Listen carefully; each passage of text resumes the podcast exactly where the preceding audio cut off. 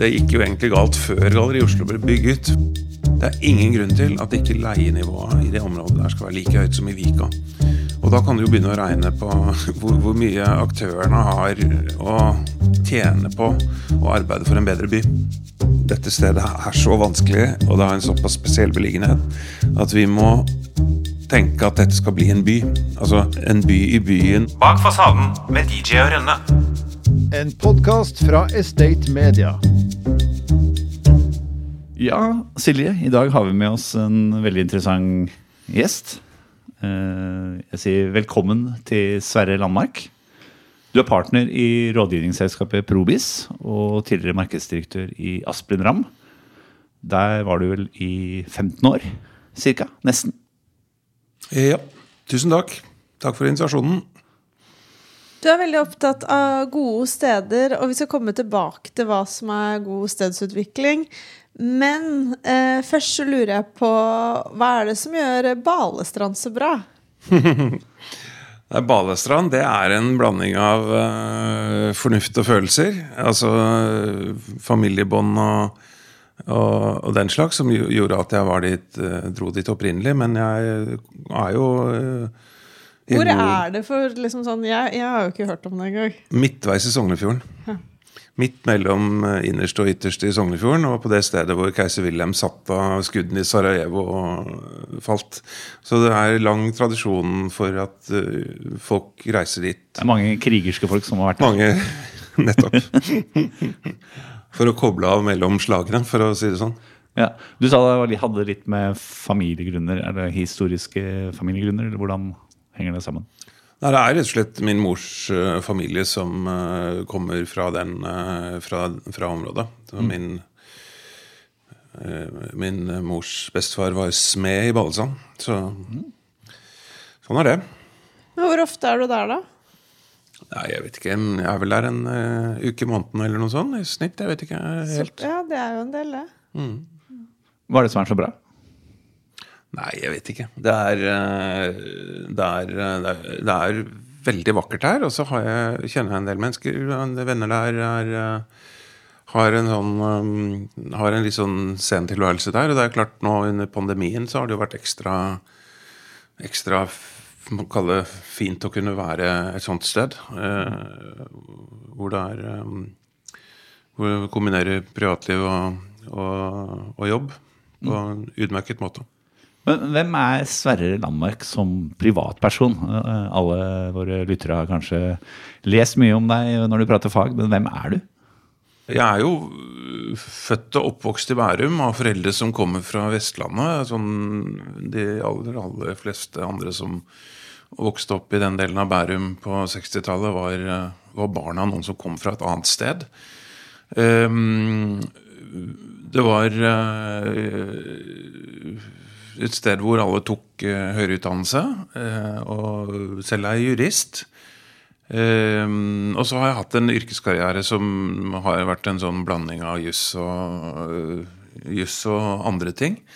Uh, jussen er jo sånn som, sånn som er, er til stede i aller, de aller fleste livs, livsområder. Um, privat er ikke godt å si. Jeg er, um, jeg er øh, nysgjerrig. Jeg blir veldig glad når folk sier jeg er raus. Um, og så øh, Hva liker du å gjøre, da?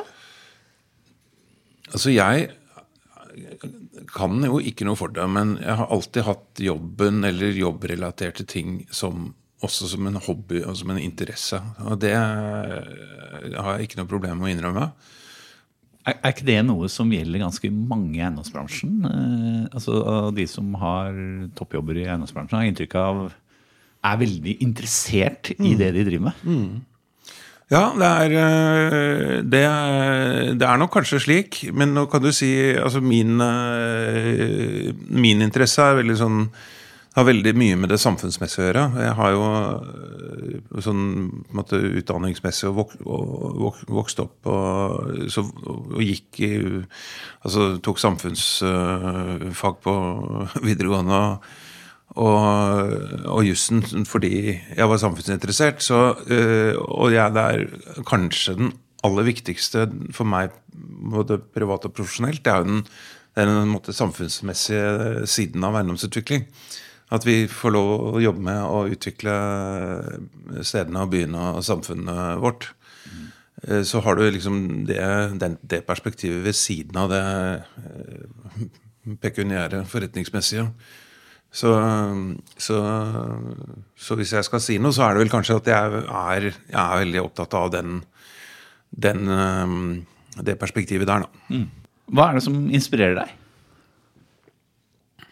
Inspirerer, det som inspirerer meg aller mest, det er å se, se resultater. Eller å, å på en måte få følelsen av at dette her går, går veien. Og eh, og så er det, er det inspirerende å se hva, eh, hva andre får til, eller hva, hva, som, hva som skapes av folk som har, de, har, de rett, har den rette innstillingen. Men hvordan havnet du i eiendomsbransjen? For du skulle vel egentlig vært en uh, tørr og kjedelig forretningsadvokat som eh, overfakturerte en altfor lønnsom eiendomsbransje? Det er jo tilfeldigheter som gjør at man havner der man havner. Og jeg var jo i, eh, jobbet med eiendomsjuss, men ikke, så ikke så mye den private delen av eiendomsjussen, men mer den offentligrettslige. Så jeg startet jo karrieren med å jobbe med Gardermoen og, og bane og vei til, til og fra Gardermoen eh, på vegne av staten.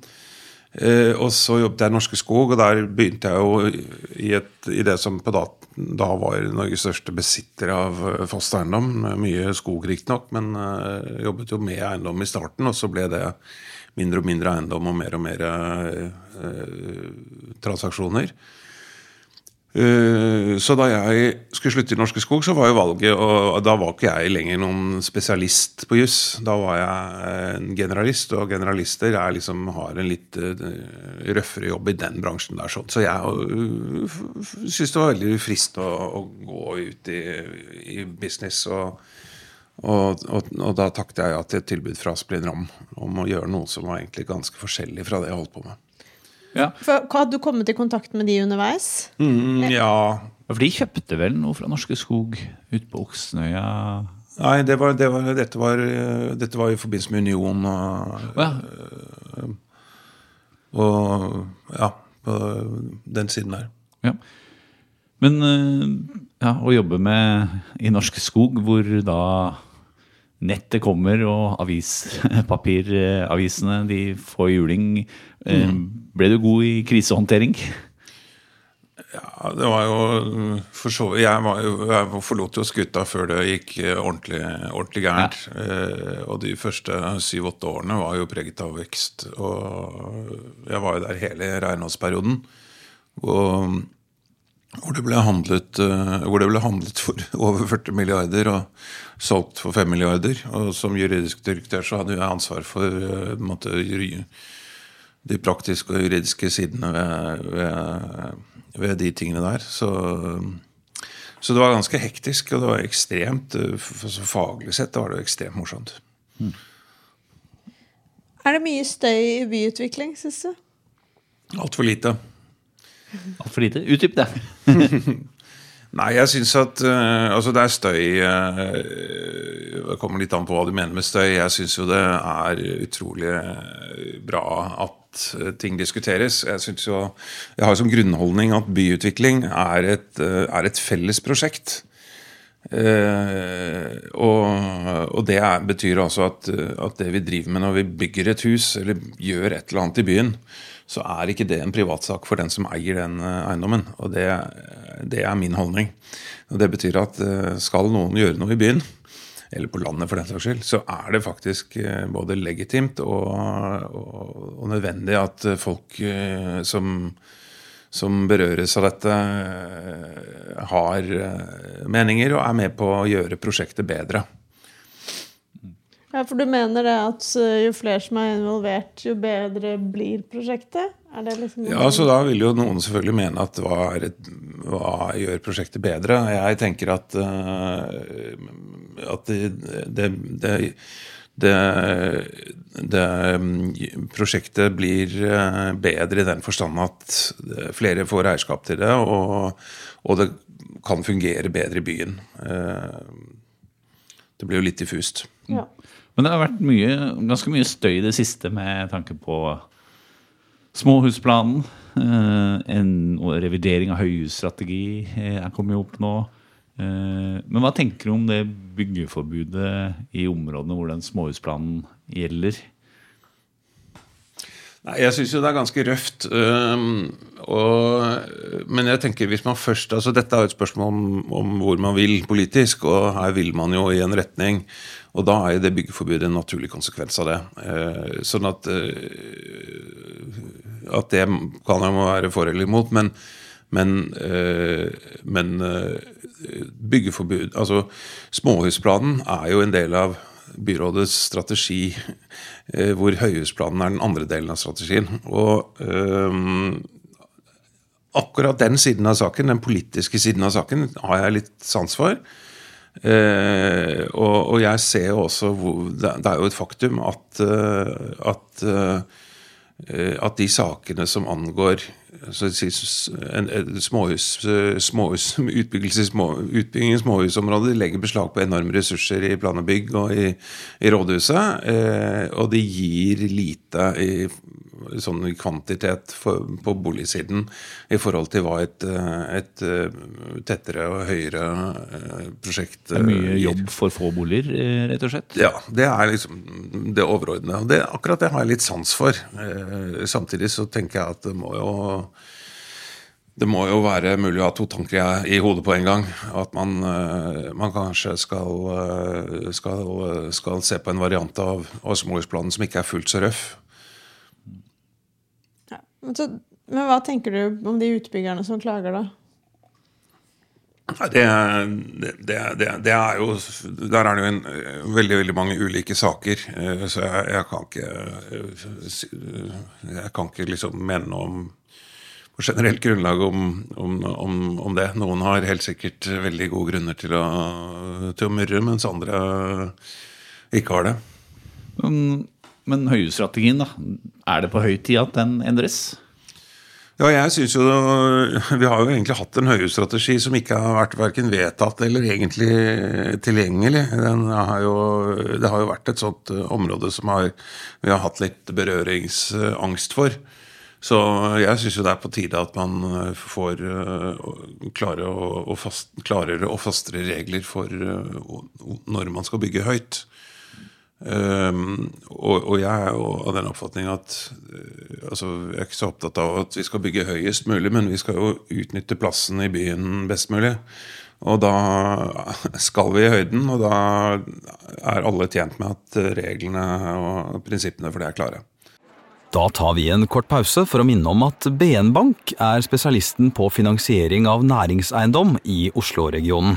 BN Bank er en rendyrket eiendomsspesialist og kjennetegnes av hurtighet, fleksibilitet og forutsigbarhet. Gode løsninger sikres gjennom medarbeidere med høy kompetanse og sterke relasjoner til kundene. Kontakt BM Bank nå. Du er jo rådgiver i forbindelse med de store planene for Galleri Oslo. Eh, som også har blitt kåret til var det Oslos eh, styggeste bygg for en stund tilbake. Eh, hva gikk egentlig galt da det ble bygd? Altså Det som eh, gikk galt, det gikk jo egentlig galt før Galleri Oslo ble bygget. fordi at hele området der nede ble jo bygget ut på den tiden hvor bilen eh, Altså bilens gullalder, hvor veiene skulle frem. Og, og det ble jo bygget et motorveisystem. Det ble begynt på et veisystem som skulle eh, ha enorme trafikkmaskiner eh, på Grünerløkka og, og highways gjennom, gjennom Oslo sentrum. Eh, og det, det veisystemet ble påbegynt.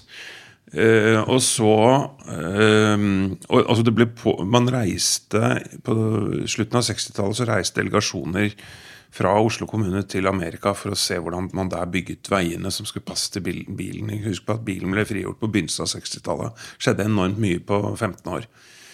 Sånn at eh, det veisystemet som, eh, som ble demontert da man tok ned bispelokket. For de som husker det. Det er pokker ikke mer enn tolv år siden at operaen var reist og PwC-bygget var reist. Og midt mellom de to så sto denne voldsomme trafikkmaskinen som da ble demontert. Det er ikke så lenge siden.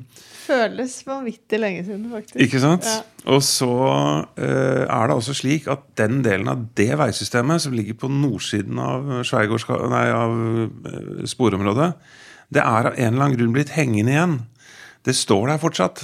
Og eh, som en sånn slags merkelig minnesmerke over en eh, over en, eh, en tid som, eh, som er forbi. Poenget mitt var å si at Galleri Oslo ble bygget for å tilpasse seg det veisystemet. Og fordi det var så mye trafikk, så valgte man da å legge gata inn i huset, og ikke på fortau. Sånn at uh, Galleri Oslo er konstruert for at folk skal slippe å gå ute.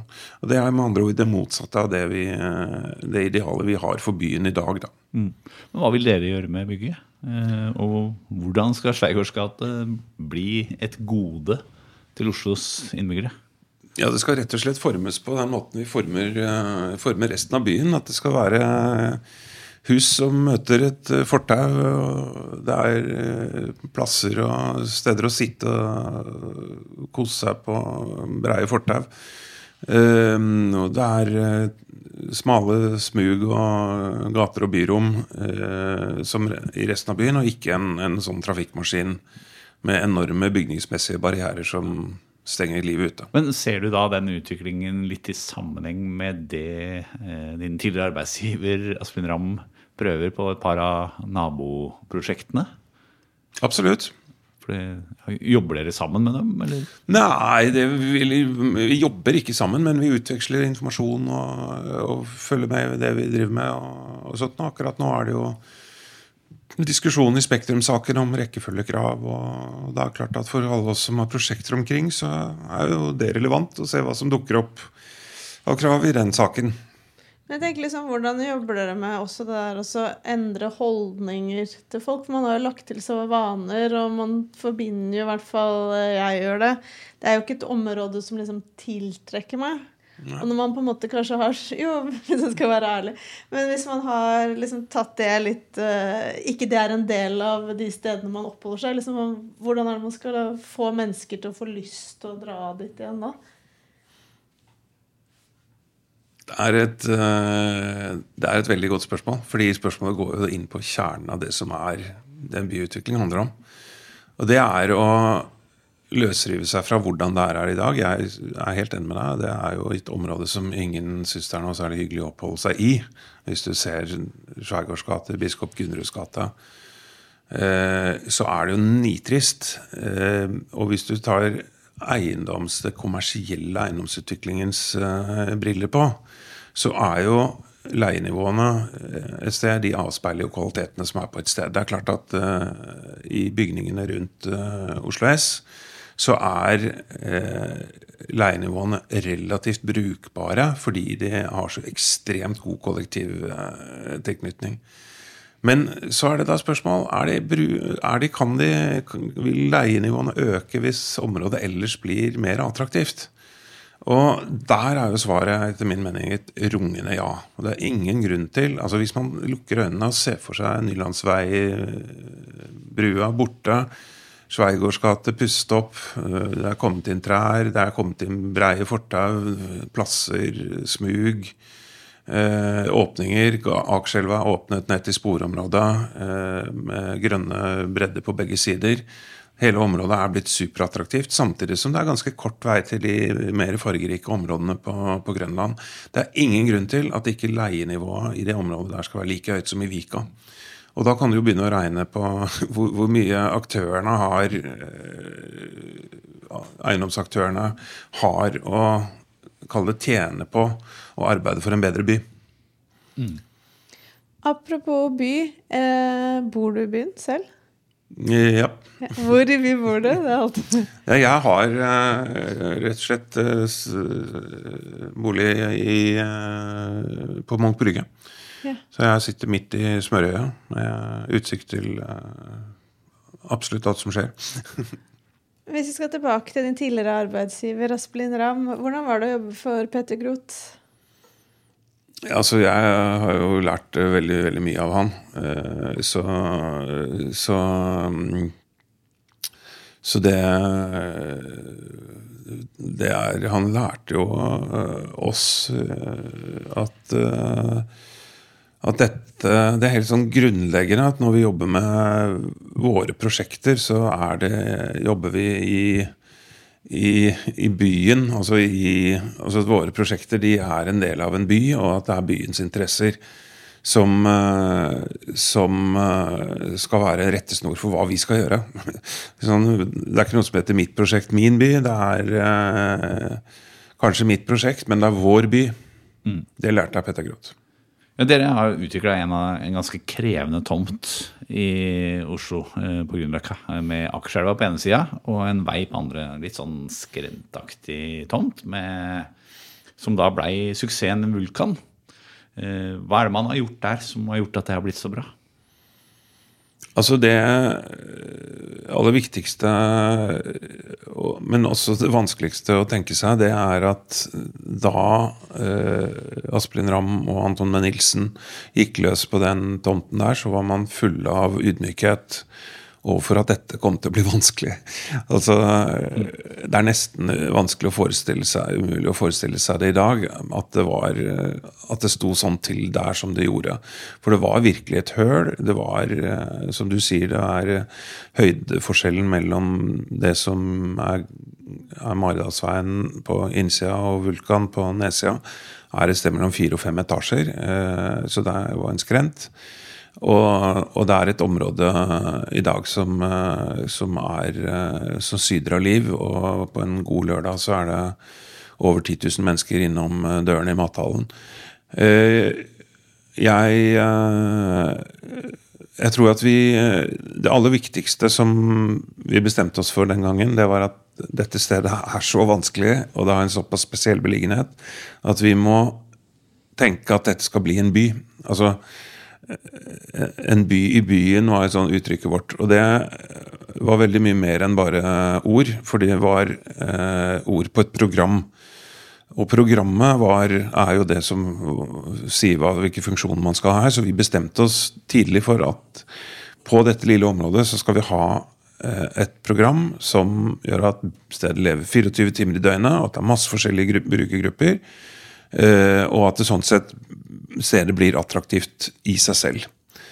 Um, og hvis vi hadde tenkt annerledes, da hadde vi tenkt at nå skal vi bare makse boligtallet, eller vi skal på en måte altså, skal vi få inn en Kiwi-butikk og bygge boliger rundt eller oppå, eller noe sånt, så hadde det kanskje vært kommersielt eh, greit og, og sånt noe, men det hadde jo ikke blitt et sted. Det hadde ikke blitt en attraksjon for, for byen. Eh, Så, så jeg mener jo at Vulkan er et eksempel på noe som både er en, er en betydelig kommersiell suksess, men også en, eh, en, eh, en, veldig attraktiv et veldig attraktivt resultat for byen. Altså for, for Jeg vet jo konkret at folk som kommer på besøk, aldri har vært i Oslo før, som bor i andre byer i verden, de syns at det er stas å komme til Vulkan.